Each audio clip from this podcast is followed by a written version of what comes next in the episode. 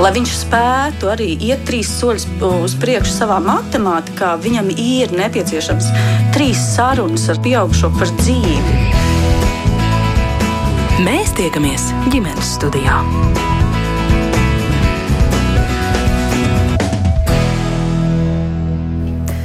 Labdien, rādījums ģimenes studija sāk savu skanējumu. Jūs sveicināta producenta šodien Liena Vimba, mans vārds ir Agnese Linka, un šoreiz esam iecerējuši sarunu par mūzikas skolām.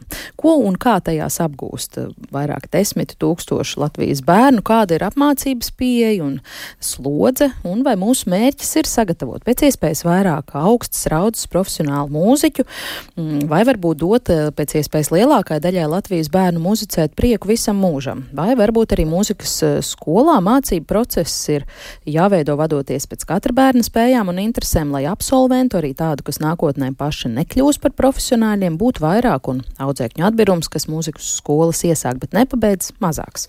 Par to šodien eh, runāsim ģimenes studijā sarunas dalībnieki Pāvulu Jurjānu mūzikas skolas direktors Viesturs Mēžgailis. Labdien! Esiet sveicināti! Arī mūzikas pedagoģa vokālās studijas Momo ilgadēji pasniedzēja un šobrīd Nacionālās mākslu vidusskolas Jāņa Rozentāla mākslas skolas vadītāja vietniece audzināšanas jomā Data Kravale. Labdien! Sveiki! Arī mūzikas apguves vietnes, vietnes skaņgrams radītāja un arī mūzikas un solfeģo skolotāja Iveta Brikmana šodien kopā ar mums ģimenes studijā. Labdien! Sveiki! Un tētis un arī privātās pirmsskolas mūsu poga izpildirektors Dagnis Izsaks. Sveicināti! Labdien! Un kā alaži arī jūs klausītājs! esat laipni aicināti pievienoties šai sarunai. Ja jums rodas kādi e, jautājumi, komentāri, viedokļi vai pieredzes stāsti, droši sūtiet tos ģimenes studijā no Latvijas radio mājaslapas. Bet šoreiz mēs sāksim ar kādas mammas viedokli Proti, ģimenes eh, studijas uzmanību pirms kāda laika pievērsa Kristīnas ieraksts sociālajā tīklā Facebook, kurā viņa dalās ar eh, savu divu bērnu pieredzi, kas nesen ir izstājušies no mācībām bērnu mūzikas skolā un šobrīd turpina instrumentu spēli apgūt, eh, tā teikt, privāti. Kāpēc tā noticis un kādas ir mammas pārdomas par tematu? Paklausīsimies viņas stāstu ir ielasījusi mana kolēģe.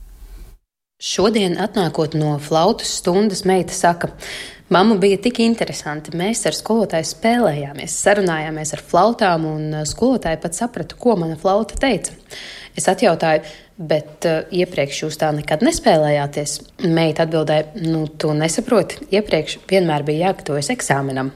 Šis mans un meitas dialogs ir par flautas spēli interešu izglītības programmā, kas uh, ir tās kā privātu stundu formāts, bez ieskaitēm un eksāmeniem. Jā, dārgāk. Bez iespējas apgūt arī mūzikas mācību un kolektīvo muzicēšanu. Jo šoruden abi mani bērni pamet mūzikas skolu. Viens bija ticis līdz 6. klasē, otrs līdz 4. klavieres un flauta. Instrumentus spēlēt gribēja paši vēl pirms skolas, bet tālāk viss gāja kā pa celmiem vai kalniem vai sazin ko. Solfeģo ieskaitas, eksāmeni, strīdi, asaras, tad panākumi un gandarījumi. Pa vidu vēl tirgošanās. Ja nokārtos ieskaiti, dabūs to un to. Privāts stundas solfeģo, paldies skolotājām, ceļojumos līdzi ņemti instrumenti, paldies izturīgajiem kaimiņiem viesnīcās. Spriedze visā šajā kvarts, septakordu un intervālu atrisinājumu pasaulē bija ārkārtēja, un jāsaka, ka arī es paralēli skumjām par lēmumiem mest mieru izjūtu arī atvieglojumu. Huh, šīs cīņas nu ir galā! Maniem bērniem bija fantastiski pedagogi. Arī solfeģo, obligāto klavieru un koru skolotājs bija lielisks. Stāsts drīzāk ir par programmas satura sarežģītību un par mērķi, kāds tas īsti ir. Izaudzināt daudzos mūzikas skolas izglītojumos par profesionāliem mūziķiem. Mājaslapā teikts, ka tās galvenais mērķis ir virzīt audzēkņus tālākai izglītības pakāpei mūzikas augstākajās mācību iestādēs. Nezinu, cik absolventi turpina šo īstenot. Ļoti iespējams, ka tik grūti bija tikai manējiem. Tagad abi turpina mācīties instrumentu spēli pie savām kolosālajām skolotājām. Spēlē ar prieku, paši var izvēlēties, ko skaņdarbos, aš disko un šis tas popsīgs. Ārkārtējā spriedze par nesaprotamo intervālu secību un kārtējo ieskaiti ir prom. Un šī ieraksta jautājums ir, vai tiešām ir jābūt tik grūti tajā īstajā mūzikas skolas programmā? Kādas ir iespējas ienest tajā drusku rotaļīgumu un prieku? Vispār es pārstāvu viedokli, ka bērnam ir jādara arī kaut kas, kas ir ilgi un grūti, bet nu šito mēs nepacēlām. Žēl.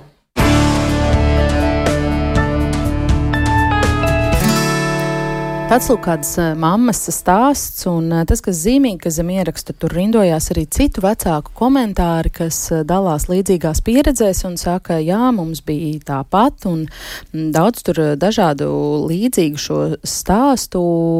Varbūt iesākumā katrs varētu nākt klajā ar kādiem komentāriem vai pārdomām, kas formulējās šī stāsta laikā par dzirdēto viesturu. Um teiksim tā, šī izglītības sistēma sevišķi pēdējo gadu laikā diezgan strauji mainās. Mēs mēģinām tam iet līdzi. Tas, kas mums ir jāsaprot, to, ka ik katrai, es atļaušos teikt, profesijai ir garoza. Un ir kaut kādi brīži, un arī minētās klases, 4. un 6. klase, ir tās klases, kurās mēs visvairāk saskaramies ar to, ka ir nu, grūti tikt pāri. Kas mums ir jāsaprot, lai mēs iemācītos kā, spēlēt kādu muzikas instrumentu, mums ir nepieciešams regulārs darbs. Es ļoti bieži salīdzinu, un es negribu nodarīt pāri it nevienam matemātikas skolotājam. Bet tā situācija ir tāda, ka, ja uz matemātikas kontrolu darbu es varu iepriekšējā vakarā samācīties formulas, atrisināt uzdevumus un droši doties uz kontrolu darbu un pat saņemt teicamu vērtējumu, un man kaut kas pēc tam zināšanās nosēžās, tad e, viss ir kārtībā. Mūzikas izglītība ir specifiska ar to, ka šajā pēdējā vakarā ir laicīgi jāiziet gulēt, un labi jāatpūšas un jādodas uz šo pārbaudījumu. Un tas, kas ir, e, kas nu, tajā izglītības sistēmā būtu jāsaprot, būtu jāsaprot tas, ka uh, gana izšķirošs priekš um, laba rezultāta ir regularitāte.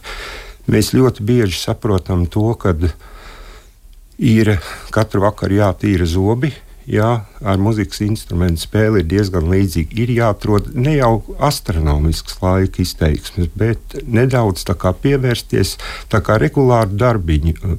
Jo šī izglītībai ir, manuprāt, viens ļoti, ļoti liels pienesums, kuru neviens nevar īsti izvērtēt. Proti, viņš iemāca kolektīvu atbildību, un viņš iemāca individuālu atbildību. Un šī individuāla atbildība es viņu asociēju ar to, ka tad, kad audzēknis iet uz skatuves, kad viņš ir sagatavojis šim priekšnesumam, tad tajā brīdī nav svarīgi, ar kādu mašīnu viņš ir piebraucis pie skolas. Nav svarīgi, vai tēvs vai mamma stāv uz galvas. Viņi nekādi nevar viņam tajā brīdī palīdzēt. Viņš iemācās uh, uh, savākties stresa situācijās, viņš saprot, ko viņš ir darījis līdz šim, ko nē. Proti, un tam visam, protams, virspusē vēl ir tas, ka viņš nodarbojās ar mākslu jomu, kas viņu tā kā papildus vēl pilnveido un attīsta. E, attīsta atmiņu, par ko ļoti daudz runā, attīsta daudzas lietas, kas ir nu, pievienotā vērtība šai izglītības sistēmai. Kuras Kaut ļoti šādi. daudzi vecāki droši vien vēlētos, lai bērni attīsta, un lai attīsta arī tie bērni, kuriem nav varbūt eh, muzikāla talanta vai dotību. Es pieturos tomēr pie tā viena viedokļa, kad ir ļoti, ļoti maz bērnu, kas nevar mācīties muzikas skolā. Viņi tiešām ir ļoti, ļoti maz. Uh, bet visvairāk mēs saskaramies ar to, ka ir šis nu, tā kā Eh, darbspēja. Es atvainošos pārējiem, man uzreiz ir daži papildi jautājumi tieši viesturam. Kāpēc tā 4. un 6. klase, kā jūs minējāt, ir tie grūtie posmi, jo tas jau ir diezgan tālu tikts īstenībā?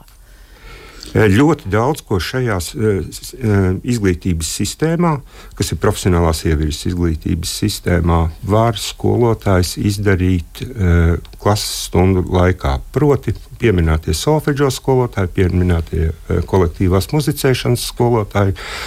Un nenoliedzami arī specialitātes skolotājs, kur īstenībā vecāki, vecāki paldies, ka viņi to novērtē, bet ir tas, ka eh, viņš to bērnu atdod ļoti intensīvā, emocionālā kontaktā ar svešu cilvēku.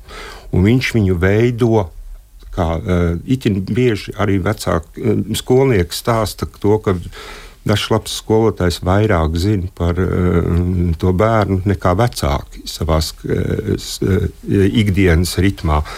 Proti, 4, 6, 4, 5, 6 klase ir tas brīdis, kad ja mēs no sākuma varam nu, skolotājs sapilina zināšanas stundā, un no reizes uz reizi viņas noguļās, un mēs varam normāli attīstīties. Tad ar klasi katru nākamo pieaug šis patstāvīgā mājas darba apjoms. Un ir tas brīdis, kad uh, ir, nu, viņš ir tā, ka tas skolotājs tā tās, tos pamatus ir ielicis, bet nu, tagad nāk tas, kad ir vajadzīgs no. Jāstrādā pašam vairāk. Vairāk, jā, paš, jā. Ne jā, labi, tāds grib papildināt. Jā, es gribu papildināt, ka tas, ir, tas gan arī pēc statistikas ir jā, pēc 4. klases, jo bērni jau arī aug tad ļoti strauji viņi attīstās, viņiem kļūst svarīgāki draugi. Un, ja tavā draugu lokā nav tādi, kas mācās muzikas skolā, tad varbūt paliec nomaļus. Jā, jā. paliec nomaļus. Un, eh, kā, kā mēs zinām, viņi arī vairāk sevi jau apzinās. Tad viņi sāk izvērtēt, vai tas ir tas, ko es tiešām gribu vēl trīs gadus darīt, vai nē. Un tad, ja nav gan vecāku, gan tā skolotāja, tāds tāda no abām pusēm tā, to, tā ceļa parādīšana un uh, palīdzēšana tikt pāri tām grūtībām, kas ir visiem. visiem tad, jā, tad varētu sasvērstīties tas ceļš. Arī tad, ja tas bērns nevēlas kļūt par profesionālu mūziķi, mēs zinām, ka būtu jauki, ja tās piecas vai septiņas klases, kā tagad ir, tad viņas būtu jauki pabeigt to, to izglītības iestādi. Vēl kaut kas, par ko tu īpaši domāji, klausoties šīs mammas stāstā, kaut kas, ko gribētos akcentēt, vai kaut kā atbildēt uz to viņas jautājumu, vai tiešām īstajā mūzikas skolā ir jābūt tik grūti? Ziniet, kā nu, grūti mums komentēt, mēs jau tikko runājām. Mēs esam mūziķi, gan es, gan Iveta. Uh, un mani bērni ir muzikāli, viņi iet profesionālās uh, ievirzes mūzikas skolā, ne tikai parastajā mūzikas skolā. Un mēs skatāmies uz to, kā Viesturs teica, es piekrītu, kā garoziņu, un katrai profesijai tāda ir. Ja runa ir par tiem kvadrāta, kvarceksta kordiem un visām lietām, tas vienkārši ir neatņemama mūziķa Eh, dzīves, nu, dzīves sastāvdaļa. Un ja mēs droši vien to ne, mums ir tāds stereotips arī no manas bērnības, tas trakais solfeģo. Uh, jo Tas ir viena no sastāvdaļām. Ja mēs uh, nemācāmies solfeģo, mēs nevaram iegūt tās prasmes, kuras tik lieliski viesturs noraksturoja, kam ir jābūt pēc tam, lai es kāptu uz skatuves. Arī tad, ja es nebūšu augstākās raudzes uh, profesionāls mūziķis, bet tomēr kvalitatīvi gribu spēlēt vai dziedāt, man ir jāzina pats pamats. Mēs taču alfabētu mācāmies, rēķināt mācāmies. Burtus un eh, ciparus pazīstam. Solfeģo ir tieši tas pats. Paš, pats, pats pamats, un viņš, protams, ar katru gadu uh, apgrūt, nu, nevis apgrūtinās, paliek sarežģīts. Reizreiz, tieši tā. Jā, jā, bet nu, tur ir drusku, drusku atšķirības arī tomēr. Protams. Talants un dotības un dzirde. Es kā cilvēks, kuram švaki gājas solfeģo, alvešiņi ir, varētu par šo pastrīdēties. Bet ne, gribu Ivet arī tad jums dot vārdu un jautāt, vai jūs saskaraties savā darba ikdienā ar šādiem vecāku stāstiem un ko, ko jūs domājat Kristīnas stāstā klausoties? Jā, es saskaros ikdienā ar šādiem stāstiem pati es uzreiz pasaku, es nenormāli mīlu savu darbu. es esmu solfeģo fanāts. Bet es tieši pagājušā gada janvārī, man liekas, eh, ne šogad, sanāk, jā, veicu pētījumu. Jo bija viens tāds bums, un eh, man bija piebirums ar skolniekiem, kuri pameta mūzikas skolu. Viņa teica, Iveta, glāb mūs, uh, vecāki. Viņa teica, palīdzi, es gribu, lai mans bērns atkal mīl mūziku, jo viņš grib muzicēt. Un es meklēju kas ir par cēloni. Es sāku tiešām sociālos tīklos pat uh, anketēšanu, jautājumu. Nevis lai mestu mūzikas skolām akmeni, bet tiešām atrast, kāpēc viņi pamet. Jo tur tiešām nebija 4, 6 klase, bet pat 1, 2, 3. Un tas bija tāds, tāds sprādziens, un tad tu lasi kā vēl kaut kur, vēl kaut kur, un tu saproti, ka kaut kas nav kārtībā. Un ko secinājāt? Un, tāpēc, tanis, uh, Tad, kad uh, pētījums vēl nav beidzies, es esmu pati trīs bērnu māma, un jūs iedomājaties, kā tas ir kaut kur vēl strādāt, algotu darbu un darīt to savu sirds lietu. īstenībā, ja es biju domājusi, ka pirmais būs solfeģo, tad pirmais nebija solfeģo. Eh, jo mēs anketējām gan cilvēkus, kas ir pabeiguši muzikas skolu, gan tos, kas vēl mācās, un uh, gan pozitīvo, gan negatīvo to pieredzi. Un tas pirmais, kas leca ārā, gan tiem, kas pabeiguši, gan tiem, kas nav pabeiguši, bija es netieku galā ar emocijām, uzstājoties. Tas bija numur viens. Un uzreiz pēc tam bija solfeģo, un solfeģo es ķidāju vairāk, jo es pat esmu, mani tiešām interesē, kas tieši solfeģo nav. Un tā ir dzirde. Un mūsdienās tā dzirde ir palikusi aizvien grūtāka. Kāpēc? Tāpēc, ka mūsdienās ir ļoti daudz sociālie tīkli, ir TikTok, ir Instagram, visur ir 9 sekundžu video, kas šo te uh, maņu, teiksim, uh, trulina. Jā, un es vasarā veicu pētījumu, man ir tāda vasaras akcija, tāda joga tavām ausīm, kāpēc joga tas tā kā vingrinājums, un mēs tiešām trenējamies katru dienu gandrīz vai.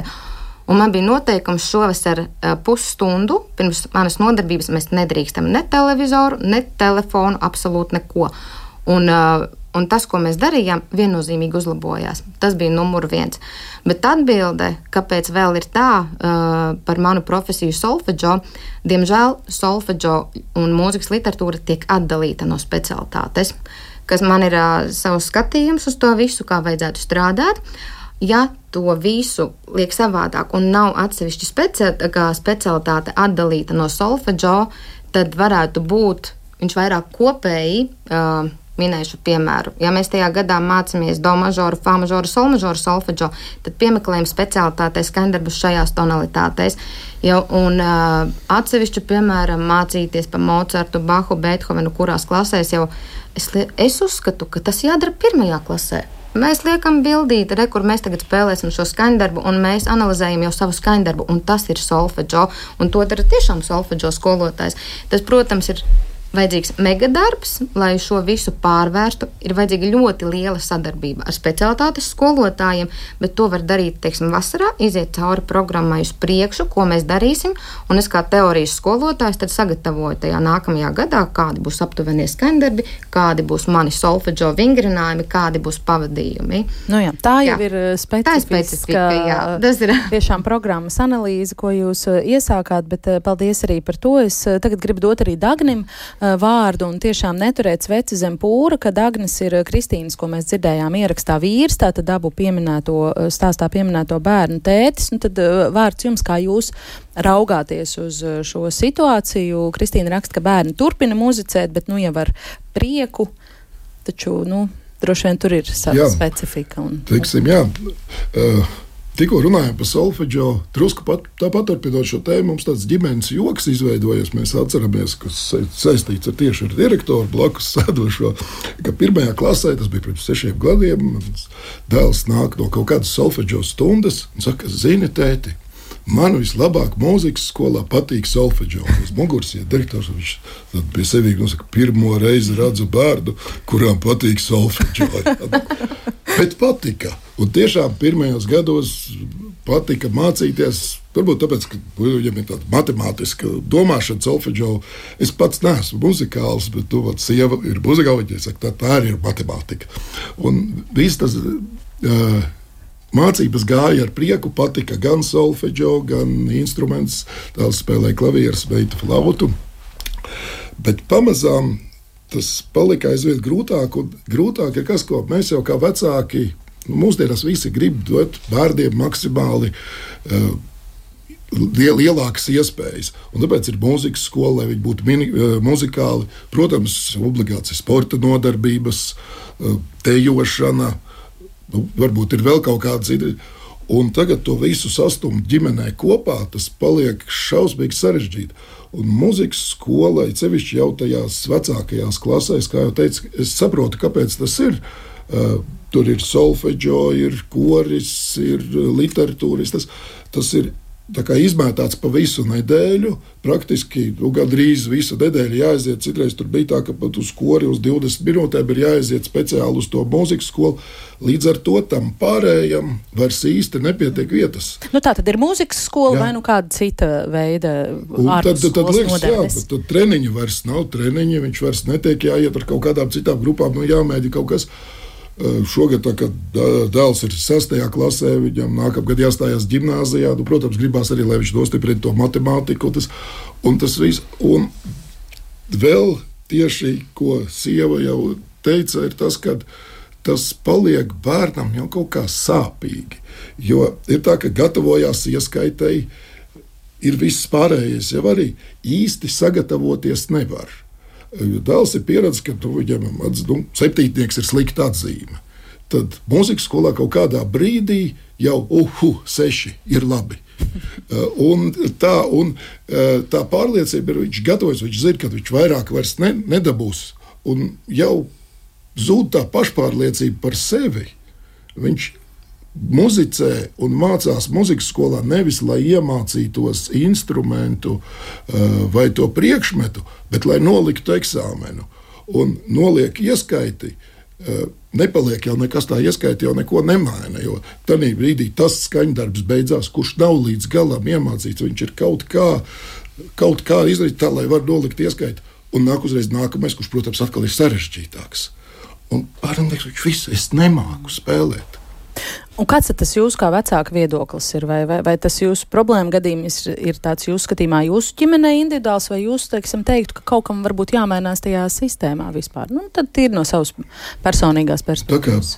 Strādā izglītības sistēmā, jūs uzaicinājāt man uz redzējumu, es pieķēros pie interneta, sāku pētīt, kas tā mūzikas skola ir un ko tur dara un kāpēc viņa ir. Un, ja, kā direktors pareizi teica, es tur atklāju, ka tā ir profesionālā ievirzes izglītība. Sākumā izbrīnījos, meklēju, kas tas ir. Grūti bija atrast, atrast. Bet tad es kaut kā uzdūros 18. gadā. Kultūra, Latvijas Nacionālā kultūras centra pētījumam par kultūra izglītību. Un tur ir ļoti interesanti tie skaitļi, kas nu, kas rada kaut kādus jautājumus. Ja. Uh, 71% vecāku saka, ka viņi grib, lai bērni mācās, un to mēs, mēs ļoti gribam. Bet atkal, ja sadalām to, ka puse vecāku, lielākā daļa, viņi grib, kas tādu saucās, izkopt savas mākslinieckās spējas un talantus. Nevis profi. Tā doma, ka nu, vecākiem nav doma, ka tā ir profesionālā izglītība. Ja?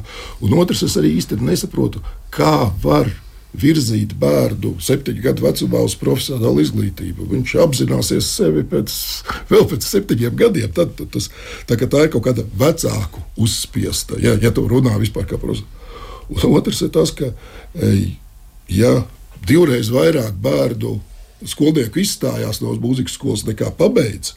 Un tie, kas pabeidz, tikai 14% aiziet uz profesionālajām izglītības iestādēm.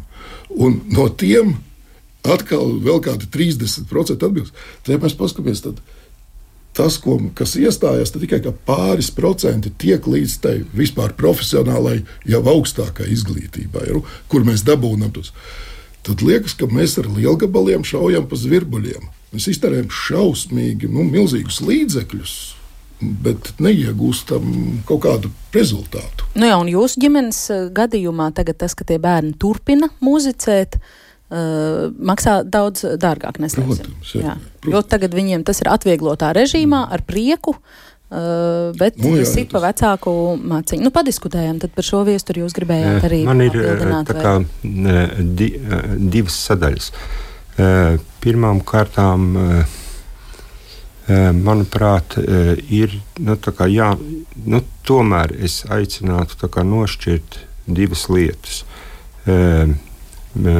Ja mēs mācāmies šo profesionālās ievirzes programmu, kas nu, termins pats par sevi jau ir nopietnas. Nu, tas ir jā, tas, ar ko jā, nodarbojās tas mūsu konteksts. Jā, un, un, un šeit ir tā lieta, kad uh, skolas un mēs, mēs cenšamies būt visas skolas Latvijā, kas ir, mēs cenšamies būt atbildīgi. Jo ir viena lieta, kas ir ļoti, un tā ir ļoti svarīga, un kāpēc skolotāji arī ir prasīgi par, es, es uzsveru vārdu prasīgi par vairākām lietām, tā iemesla dēļ, ka ja tie vienalga, cik procenti iet tālāk uz profesionālā izglītību un augstāko izglītību, viņam ir jābūt konkurētspējīgam.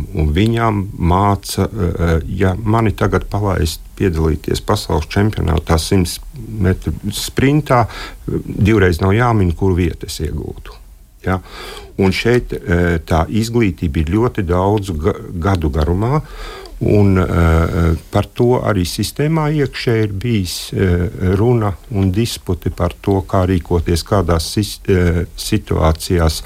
Bet uh, šī mērķtiecība, kāda, nu, gribētu teikt, šī mērķtiecība, kādā tas iet, ir arī skolotāja atbildība. Jo ļoti bieži es varētu minēt arī x procentus ar piemēriem, ka viņš 7. klasē pēkšņi izdomā, ka viņš ies uz šo profesionālo muziķu. Un tad sanāk, ka vecāki nāk pie manis un saka, kāpēc jūs man likāt rozā brilles uz acīm. Jo viņš nezina to, viņš neprot to, viņš neprot šo. Līdz ar to uh, Es eh, nezinu, vai Dārgājs pats, pats bija eh, tajā tikšanās reizē. Eh, pirmajā klasē mēs organizējām sapulces pirms sākās mācību gads tieši pirmklasniekiem kuri uzsāk mācības muzikas skolā. Es tā arī vecākiem saku divas lietas. Pirmkārt, ir jāsaprot, ka mēs atveram tas, kas agrāk bija papīra formātā, mēs atveram darba grāmatiņu. Un, un vēl viena lieta, ko es saku, ja mēs gribam uh, lai mums kaut kas sanāktu kopā, ir jāsadara, un tas ir jāsaprot, bet tas nav nekāds biets. Ir jāsaprot, ka tā visa sistēma turās uz trīs punktiem eh, - pedagogs, audzēknis un vecāks. Ja mēs trijotā, mēs varam visu kaut ko kombinēt, mēs varam pārcelt ieskaiti agrāk, vēlāk. Mēs varam nākt runāt par saturu, ko mēs darām vienā, otrā, trešā lietā. Eh, nav tā, ka ir tikai vien, viena balta patiesība un nekas cits nav. Ir iespējams diskutēt. Mūzikas izglītība tieši ar to, manuprāt, ir unikāla. Ar to, ka tas kontakts ir ļoti personalizēts. Es nevaru iedomāties e, sistēmā nevienu pedagogu, kurš pateikt savam audzēkņu vecākam, eh, liec man mierā, man tas neinteresē. Nu, es tā kā nespēju to. Nu, jā, bet es gribētu jautāt par tiem uh, Dāņa pieminētajiem procentiem. Tātad, ka 70 pārprocentu vecāki grib, ka viņu bērni sāktu iet mūzikas skolā, un tās ir profesionāls pasākums ar darba grāmatiņu no pirmās dienas, un 14% tikai dodas tālāk. Atbildam uz jautājumu, cik pēc tam mums iest, e, e, no kurienes mums rodās visa amatieru kolektīva kustība tie ir cilvēki, kas nāk no šejienes. Un šis procents nekur, es pat zinu, ko Dārgājs pieminēja par to pētījumu. Viņš, es atļaušos teikt, bija ļoti tendenciozs. Tur bija jautājums uzdots provokatīvi, lai atbildētu tā, kā grib atsevišķi mhm. cilvēki. Bet nav jau runa, es neuzskatu, ka šis procents ir slikts. Eh, tas jautājums ir pašiem vecākiem startā saprast, un es uzskatu, ka tas laikam mūsu izglītības sistēmā, mūzikas izglītības sistēmā nav sakārtots, ka vecāki jau nezina Eh, tik strikti, ka tā ir profesionālā, profesionālā ievirs izglītība. Un, jā, ja mums būtu tādas mūzikas skolas, eh, atvieg, nu, kā es pat nezinu, atvieglotās interešu izglītības mūzikas skolas, jā, tad droši vien vecāks varētu izvēlēties. Mm. Šobrīd par, tas par to, nav. Nē, šobrīd jā. tas tā jā. nav, bet es neuzskatu, ka pirmkārt sāksim ar to, ka visiem bērniem, un tas ir, jā, es, es būšu ļoti nu, sliktā, sliktā skolotāja, visiem nav jāmācās mūzikas skolā. Tāpat kā visiem nav jāiet sporta eh, disciplīnās, Jā. vai visiem jābūt ķīmiķiem. Bet vai nav tā, ka mūzikas skolās mēs tomēr gribam, lai pēc iespējas lielāks uh, skaits bērnu nonāktu Nē. mūzikas eh, skolās? Nē. Kāda ir audzēkņu skaita dinamika? Audzēkņu skaita tāda pati vai ir apmēram, ir tā sistēma pieturās apmēram, nu, ir atsevišķi gadi, kad kā, viena joma bišķītiņa vairāk, otra, bet apmēram tas ir, protams, saistīts ar finansēm un tā tālāk. Bet uh, apmēram ir tas, tā dinamika ir ļoti uh, līdzīga, kas vēlas uzsākt mācības mm. muzikas. Domāju, šobrīd ir sarežģīti vienkārši tas, ka cits laiks mums ir, un tas, ko Iveta teica, ir ļoti sarežģīti ārējie apstākļi un bērniem uzmanības kairinātāji. Uh, un, um, tā savienošana ar vispār izglītojošo skolu, jau kā Dagnis teica, ja mums ir vēl sporta pulciņi, mums ir vēl peldēšana, mums ir vēl mākslas skola, tas nav reāli un ir vienā brīdī jāizvēlās. Mūzikas skola vai viss cits? Nu, pārējais, teiksim, var, ja, varbūt tas nav tik strikti, bet būsim godīgi, ja viņi vēl paralēli spēlē tiktokus un viņiem ir laiks vēl visām citādām tādām nekvalitatīvām darbībām tad ir ļoti, ja, un, un uzmanības eh, koncentrēšanās spēja viņiem ir mazāka šobrīd nekā varbūt bija mums pašiem bērnībā. Ir ļoti jāsaprot, kā tad es to savu enerģiju, kuras viņi ieguldīšu. Mm. Un varbūt, jā, eh, es varu to muzikas skolu un vēl kaut ko. Mana vecākā meita mācās tagad Rīgas Doma koras skolas vakara nodaļā un pirmajā ģimnāzijā. Un tagad ir par atzīmēm, ko Dārnis minēja. Protams, viņa teicamniece. Viņa bija savā tajā Rīgas domu skolas līdz 9. klasē, devītnieki. Un mēs, es biju tā, kas teica, nē, neies divās skolās, bet viņa grib to mūziku.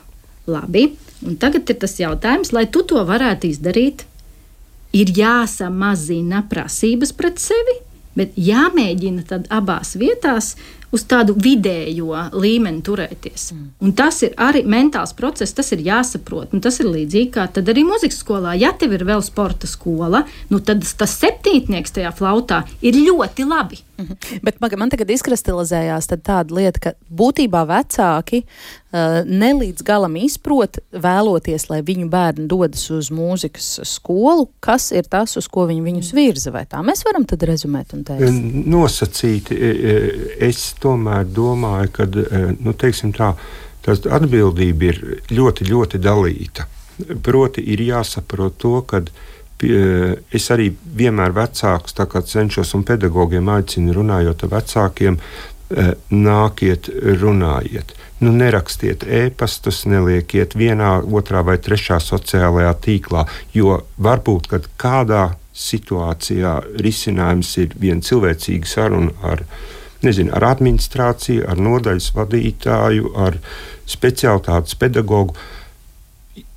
Bet... Ļoti mazi nāk, atnāk, nu, kā klaun, nu, tas, tas, kas tika minēts, ir tas par daudz, tas par daudz. Tas ir jā, e, mēs ļoti, nu, es domāju, tur arī Covid laiks. Jā, bet jūs samazinātu prasības un sasniedzamos rezultātus. Tad mēs atrastu risinājumu. Ir ļoti daudz dažādas recepcijas. Šajā gadījumā es negribu teikt, ka mēs samazinātu prasības, bet mēs mēģinātu atrast risinājumu, kādā veidā tikt šim pāri. Bērnam, piemērot. Bērnam piemērot risinājumu. Viņš nevar būt universāls, jo ja uh, vienam audzēknim universāls risinājums būs iespējams pat uh, atceļot tehnisko iemaņu pārbaudi, tad varbūt otram ir tas, ka viņam vienkārši nu, apsēžamies kopā.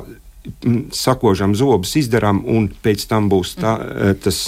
Bet tas guvums. nozīmē, ka tad jūs pieļaujat, ka būtu vēlams, lai paliek tais mūzikas skolās arī tie, kuri nekļūst par tiem profesionāliem mūziķiem, ja jau viņiem 4. vai 5. vai 6. klasē. Bet cik, bērni, bet cik bērni pēc tam, tad, kad viņi ir arī pametuši un arī absolvējuši pēc zināma laika viņš zvana. Man personīgi bijušas divas ļoti interesantas pieredzes. Man audzēknis, kurš tiešām reāli, nu, pa visām varītēm, bet nu, tā kā nobeidzām to muzikas skolu. Ja? Viņš man uh, sajūsmā zvana no Vācijas, no Hamburgas, kur viņš ir iegājis Steinveja firmas veikalā.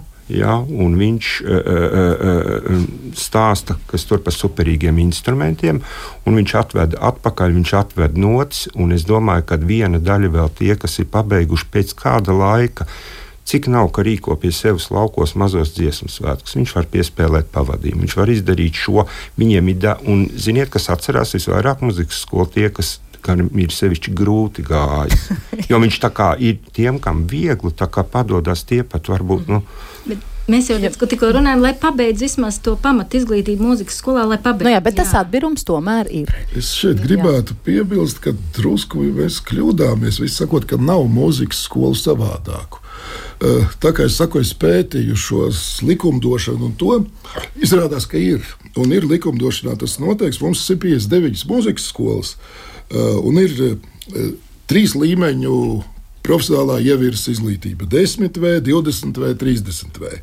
Šīs mūzikas skolas visas specializējās ar to 20 v, bet ir pirmā līmeņa uh, mūzika profesionālā ievirzes izglītība ar samazinātu stundu skaitu, uh, kur ir akreditēta, nu, licencēta. Viņi 15, sko, 15 to visām mūzikas skolām Latvijas piedāvā šo programmu. Tāpēc rodas jautājums, kāpēc viņa nav biežāk piedāvāt. Es neesmu ļoti iedziļinājies, kāda viņa tur noteikti labāk pastāstīs, bet iespēja ir, ka kaut kāda varianta ir. Mums līdz īso atbildi. Īsa atbilde, proti no 20. 4. gada 1. septembrī nedrīkstēs, ne 26. gada 1. septembrī nebūs 10V programma, jo tas bija to visu sistēmu. Viņa nebūs V30 programmas, ir vidusskolu līmeņa programmas. Mm -hmm. Es pievērsīšos arī Ivetē, ja ir Jā. kas varbūt mhm. piebilstams vēl. Jā. Klausoties šo visu, man liekas, viennozīmīgi būtu ļoti forši, ja būtu šīs te uh, profesionālā un uh, interešu vairāk. Uh, ka šobrīd viņas ir, bet tas, kā man solfeģo pedagogam arī kāda aci pirms tam teica, pietrūkst šis solfeģo. Viņš viennozīmīgi pietrūkst. Un man pat bija viens ieraksts uztaisīts, ka ideālā variantā tā būtu ritmika, solfeģo klavieris tikai atvieglinātā veidā vai speciālitātes instruments. Jo tā visa koordinācija, viss ir nepieciešams gan ķirurgam, gan uh, pilotām. Tas viss ir nepieciešams.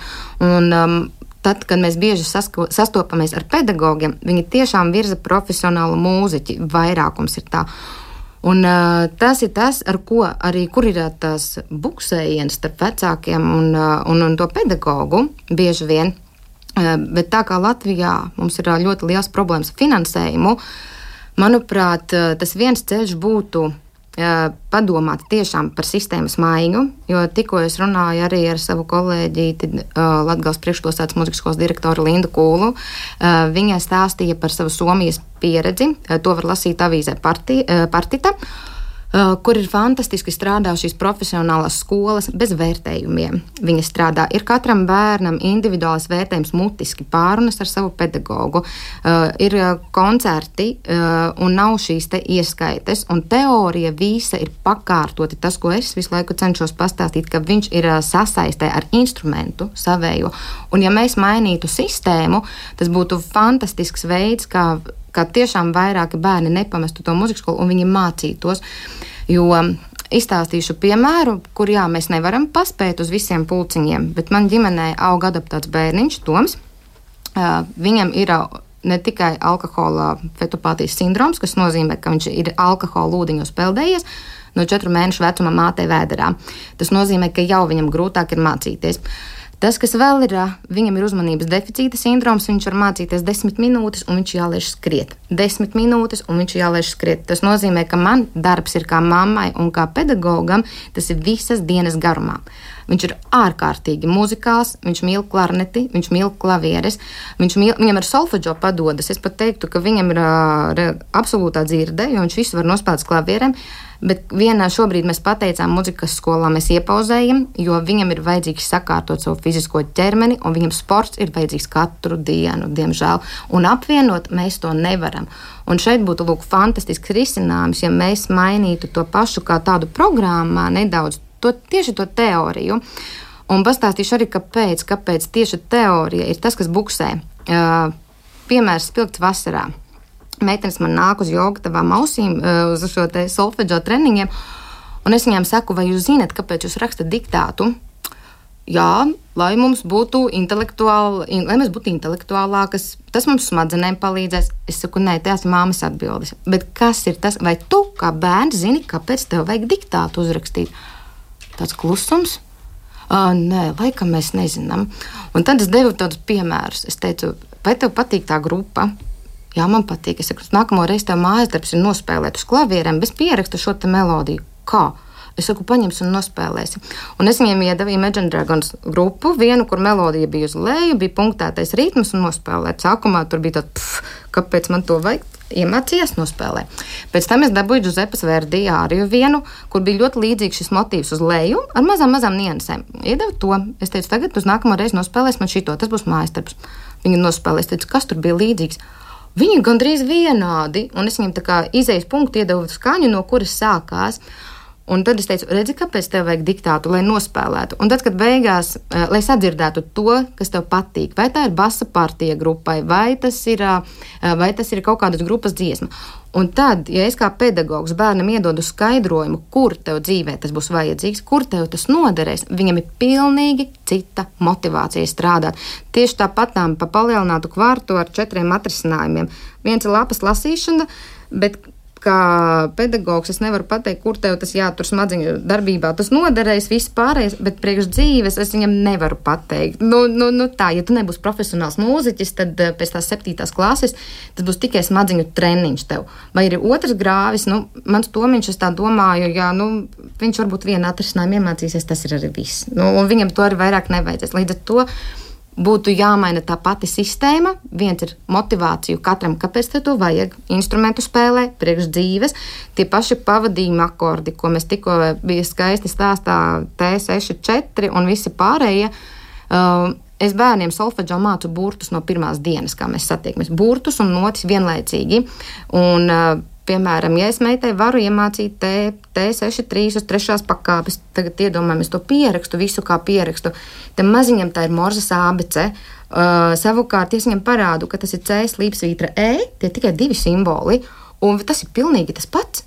Un tas ir daudz, daudz vienkāršāk pilnīgi vienkāršāk. Un, viņam, un es tev parādīju, ko dziesmā tas ir. Tu vari nospēlēt uzreiz. nu, jā, jūs jau gan arī aizgājāt jā. tajā zonā, atkal, kur varbūt daļa klausītāja, kas nav mūzikas skolas beiguši, nelasa noci, nezinu, kas ir C un E, varbūt nevar jau izsakot mūsu sarunai.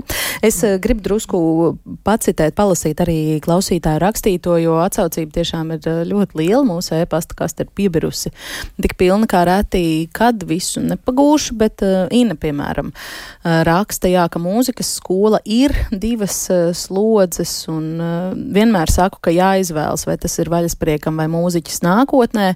Arī uh, sportistiem tāda pati slodze arī iet smagi noteiktā vecumā. Pēters saka, ka viņa bērns tiešām saprot mūzikas teoriju, ir sekmīgs instrumentu, spēlē pamaz, bet katru dienu pienāk eksāmena diena. Neviens nav skolojis, kā izturēt stresu, būt vienam uz skatuves, un, un tad eksāmenā vēl varbūt uzdod nospēlēt to, ko instrumentu skolotājs nemācīja. Nezinu gan, kā tas vispār var būt iespējams iespējams. Bet bērnam mūzika un instruments patīk, bet skolas ritms dzen uh, izmisumā. Ieva stāsta, ka viņas dēls pameta mūzikas skolu, jo bija diezgan liela slodze mūzikas mācības, solfeģo, mūzikas literatūra, spēlēt saksofonu dikti patika, bet vēl jau gribas iet arī sportot un kādā datorpulciņā. Pozitīvi ir tas, ka puika aizgāja spēlēt orķestrī bez jebkādām papildus uh, mācībām.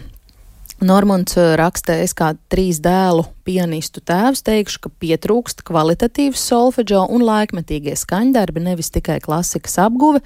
Tas varētu bērnos raisīt izturību, izturēt mūzikas skolas apguvi. Ja švaki apgūstam solfeģo, tad pēc tam mediņos ir grūti, nu ļoti um, grūti. Vai vēl daudz tik labu komentāru, jā. Es varbūt pirms jūs sāksiet gudrās runas, man ir četri bērni, un trīs iet ar mūzikas novirzienu skolās, un viens ne, un vienas arī nelaidīšu jaunāko. Un kāpēc? Kā jūs domājat? Jāskatās, kas tam bērnam padodas. Mm -hmm. Viņa, jā, viņa man dziedā ansamblī, jā, varbūt, ka viņa arī kaut ko spēlēs savam priekam, Bet nē, šis mans bērns nav paredzēts mūzikas izglītošanās, tādā ceļam, eh, profesionālam, jo nu, tīri eh, fizioloģiski viņi nevar noturēt balsi tā kā, tā kā es dzirdu, kā vajadzētu. Un te ir tā atšķirība. Protams, ka vecāki nevienmēr to var izvērtēt, un kā par solfeģo mēs runājam, viņi nevienmēr var arī palīdzēt. Un tā ir tā lielākā bezpalīdzība, ar kuru es kā pedagogs esmu strādājis, ka man draudzene ved savus bērnus sagatavot pirms solfeģo koledžo eksāmena, un es redzu, ka tam bērnam ar uztveri, viss ir kārtībā, un kā tu saki, ir tikai trenēt, to dzirdi vajag, bet viņam vajag katru dienu tās desmit minūtītes, un, un tā mamma ar tēti to nevar izdarīt. Tas Par šo jau sūtās vecāki arī Jā. no vispār izglītojošām skolām. Tur arī kā Jā. kurš skolotājs izprot savu priekšmetu, dažs māca tiešām jau sākuma skolā solfeģo, muzikas skolas solfeģo uh, līmenī. Es gribētu vēl vairākus tādus, man šķiet, eh, diezgan liels un būtiskus aspektus izrunāt šajā tematā. Es nezinu, ko mēs varam uh, pagūt, jo laika nav palicis ļoti daudz. Uh, varbūt jūs varat arī izstāstīt, cik ļoti, vai jums ir priekšstats un, un zināšanas par to, cik ļoti mūzikas skola no mūzikas skolas prasībās, tajā pieejā, apmācības pieejā visā atšķiras. Kā jums šķiet, vai ir kaut kāds ļoti vienots standarts, latiņa, pēc kuras visiem ir jāiet, vai arī skolām ir tāpat kā vispār izglītojošās skolās mēs runājam par kompetenci pieeju un lielu skolas un skolotāju autonomiju, vai arī šeit skolotājs var realizēt dažādas pieejas, piemēram, pavisam tādas radošas, kā Iveta raksturoja? Proti, manuprāt, to um, apliecība par šo izglītības apguvi pēc būtības būtu jāparaksta pat ne skolas direktoram, bet būtu viņa jāparaksta specialitātes skolotājam. Jo viņš ir tas, kas viņu nu, uzliek to kvalitātes zīmi. Jo, jā, proti, uh, mēs tā kā vairāk esam menedžera lomā. Uh, tas, kas ir, uh, man, manuprāt, ļoti būtiski, ka skolotāji, e, runājot par kompetenci pieeju, man liekas, ka muzikas skolā tā kompetenci pieeja kopš viņu radīšanas. Mēs visu laiku dzīvojam kompetenci izglītībā. Mums, cit, mums šis nav nekas jauns. Proti, te, jo te jau parādās arī tas, ka tas nav nekas slikts. Mēs ļoti labi zinām tos piemērus, kad 7. klases audzēknim mēs iedodam vidusskolas līmeņa programmu, un 7. klases audzēknim mēs iedodam 3. klases programmu, bet tam ir mērķis. E, kāpēc mēs kādā konkrētajā situācijā attiecīgi rīkojamies? Un skolotājs ir tas, kurš nu, zinot šo, šī bērna kaut kādas vienas labākas, uh, spēcīgākas puses, varbūt netik spēcīgās. Uh, viņš ir gana patstāvīgs, un tas nekādi netiek reglamentēts ne no, ne, ne no vienas skolas puses, vai mēs spēlējam akadēmisko klasiku, vai mēs spēlējam džēza mūziku, vai mēs spēlējam kādu orķestra pārlikumu. Par to vispār nav stāsts. To mēs Eh, eh, tas tiek praktizēts un tas tiek darīts. Šis, eh, manuprāt, ir nu, muzikas skolas ir ļoti. Protams, tas, kas ir jāsaprot, par to, ko mēs raidījuma pašā sākumā runājam, kad ir kaut kādas lietas, kas ir līdzīgi kā reizrēķins. Viņš ir jāzina, jo bez tā, jo, tā vēl nākamā bažas. Viņš atnāk un viņš vēlās, pieņemsim, kaut ko nu, spēlēt. Ja? Es domāju, no skaņdarbiem. Ja? Un tam skolotājiem jāsaka, diemžēl mēs nevaram tāpēc, ka ir viena, otra, trešā lieta. Uh mhm. -huh. Man ir, nu, kas uzvar karu, tam, kam, kam ir tehnika. Un te ir jābūt šim aparātam, ir jābūt šīm iemaņām, un tad mēs. Un, ja mēs tiekam kaut kādiem grūtuma brīžiem pāri, tad sākās mums dramatiski samazinās, ja precīzāk pat nav atbīrums. E, es nerunāju par klavieru spēli, tā ir ļoti e, spe, e, savā ziņā specifiska programma, bet par pārējām programmām. Kā viņš tiek iekšā kolektīvajā muzicēšanā, viņam ir arī manas pieminētā kolektīvā atbildība un individuālā atbildība. Kā viņš tiek pāri šim te un iekļūst orķestrī, iekļūst ansamblī vai kā savādāk, iekļaujās arī tajā dziesmu svēku kustībā ar viņiem runāt citā valodā. Mhm. Es gribu vēl Jā. ātri bagūt pajautāt jūsu redzējumu pašā sākumā, tad, kad es jums pirmajam devu vārdu, pieminējāt, ka mūzikas skolas iet caur tādām straujām izmaiņām um, programmās, es saprotu. Kas, kas tas ir, ko jūs Mums šobrīd minējāt? saskaņošanā likumdošanā ir uh, profesionālās ievirzes standarts, kas noteiks uh, to, uh, kādā veidā tiek kas ir jāapgūst programmās, jo šeit var, es arī, un to es atbalstu, kā iestādes vadītājs, kad valstī ir jāsaprot, kāpēc viņi piešķir vienu, otru vai desmito eiro. Un viņai arī, un tas ir pilnīgi pamatot, ja mēs gribam saglabāt šo pēctecību uz vidusskolu, un mēs runājam par to, ka muzeķiem ir nepil, nepie, nepietiekams atalgojums, dziesmu svētku e, amatieru kolektīvu vadītājiem ir nepietiekams atalgojums, tad ir jāsaprot, ka Eh, nevis mēs kaut kur meklējam no ārpasaules, bet lai valsts piešķirot līdzekļus, viņi saprast, kas ir gaidāmais rezultāts. Bet es gribētu teikt, ir divas lietas. Viens, viena ir pieejamība, kas tiek akcentēta, un otra, pieejami, eh, otra lieta ir izcilība. Šīs divas plūsmas eh, nekonkurē savā starpā, viņas būs mūžu mūžos. Viens aizies dziedāt amatieru kolektīvā, un otrs stāvēs dziesmu sēkā estrādē kā virsdiriģents. Bet mums ir, teiksim tā, lai mēs izsijātu zvaigznes, uh, uh, Andriņa Nelsona, nesaukšu tagad viss pēc kārtas. Ja? Mums ir jābūt šai piramīdai, ir jābūt masai. Mm -hmm. Apakšā un tad lielai, pamazām jā. viņš tā kā sašauja. Tas ir tikai normāli.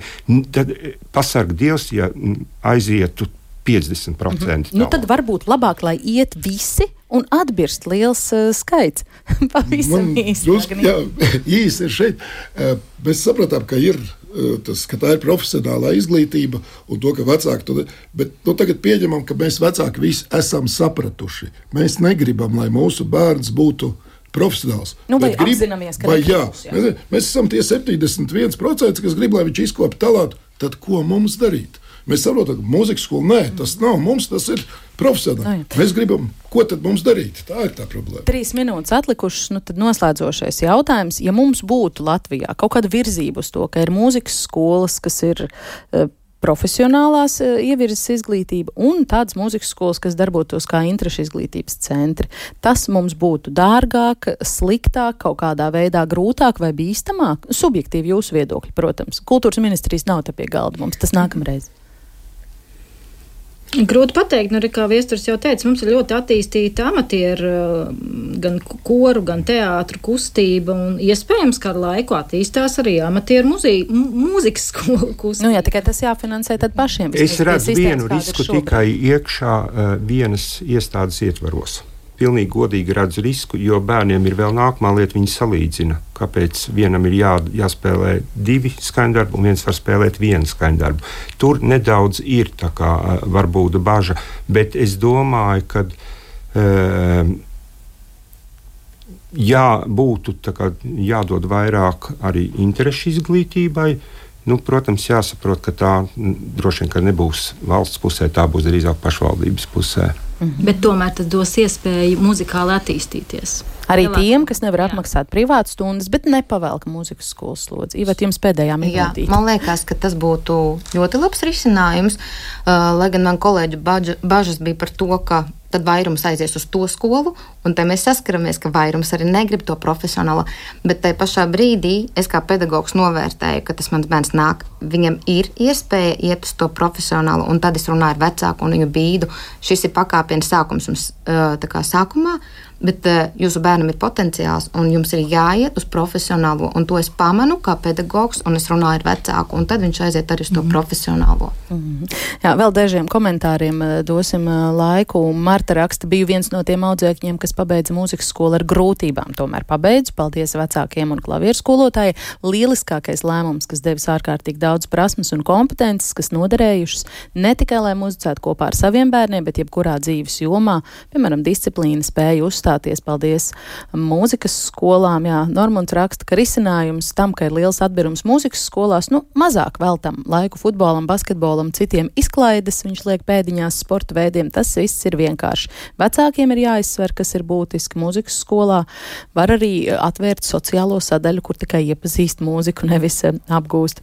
Dažādi viedokļi. Paldies visiem rakstītājiem. Šo diskusiju varbūt kādreiz ceram vēl eh, turpināt, jo tiešām daudz interesantu arī ideju un ierosinājumu. Paldies! Paldies par sarunu ģimenes studijā. Es šodien saku Pāvilu Jurjānu, mūzikas skolas direktoram, viesturam Mežgailim, arī mūzikas pedagoģijai, vokālās studijas um, Momo, uh, ilgadēji pasniedzēja Dacei Kravalai, arī mūzikas apguvas vietnes skaņgrams radītāja Ivetai Brikmanei un um, tētim uh, Dagnim Isakam. Paldies jums par uh, viedokļiem ģimenes studijā. Šodien raidījumu veidoja Liena Vimba, pie skaņa pults bija Regīna Bieziņa, bet pie mikrofona es Agnese Linka.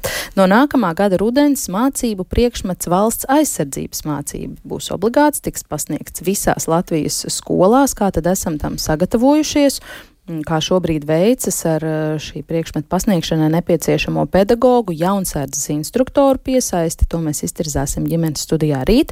Kā vienmēr no diviem līdz trījiem klausieties mūsu arī podkāstos, mobilajā lietotnē un sekojiet ģimenes studijai sociālos tīklos uz sadzirdēšanos.